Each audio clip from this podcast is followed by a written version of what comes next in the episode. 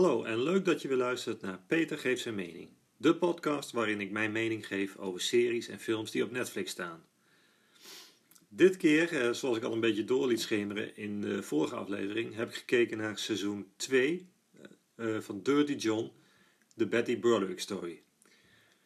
Ik wilde eigenlijk niet meer eh, kijken naar deze, dit seizoen, maar mijn vrouw wilde toch graag verder kijken. Dus ja, wat doe je dan als man? Kun je twee dingen doen. Of je gaat iets voor jezelf doen, of je zegt, ik ben solidair met je en ik kijk even mee. Nou, ik ben zo'n kerel, ik kijk gewoon even mee.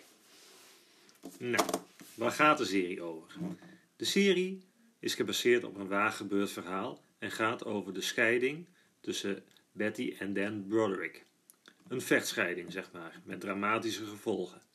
Je volgt de relatie tussen Betty en Dan en je ziet hoe ze elkaar ontmoeten, verliefd worden. En dan hoe zij het, het offer brengt om hem te laten studeren, door veel te werken. Uh, na zijn studie wordt hij rijk en begint hij een relatie met zijn secretaresse. En dan slaan bij Betty de stoppen door. Goed, tot zover het verhaal. Zonder al te veel te verklappen, hoop ik. Uh, dan volgt nu, wat, volg, wat vond ik van de serie? Laten we beginnen met de pluspunten. Allereerst, er werd ontzettend goed in geacteerd. Zowel door Amanda Peet als Christian Slater.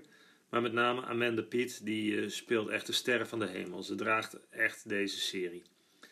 Uh, ja, verder vond ik het allemaal uh, goed gefilmd, mooi gefilmd, mooi in beeld gebracht. je ziet verschillende, de, de, film is verspreid over verschillende tijdzones en die worden echt goed weergegeven. En ook de karakters worden goed uitgediept, zodat je een beetje kunt begrijpen uh, waarom ze doen wat ze doen. In, en dat vond ik een beetje uh, wat er misging in seizoen 1. En dan de minpunten. Het grote probleem voor mij was dat het nergens echt spannend werd. Uh, ja, je zit gewoon naar een goed geacteerd verhaal te kijken en dat is het. Nergens zit je op het puntje van je stoel. Er zitten geen rare plotwendingen in, geen achtervolgingen, skietpartijen, afgehaakte ledematen. Oh, sorry, ik liep even gaan. En dat is het dan. Ja, en dat is voor mij uh, ja, niet voldoende. Ja, dan heeft de, de serie het puur van het acteerwerk nodig. En dat, dat, is, dat was echt supergoed. Dus, en daarom geef ik ook het een zeker een voldoende. Want hier komt mijn cijfertje voor deze serie. Ik, geef de, ik vond deze iets beter als seizoen 1.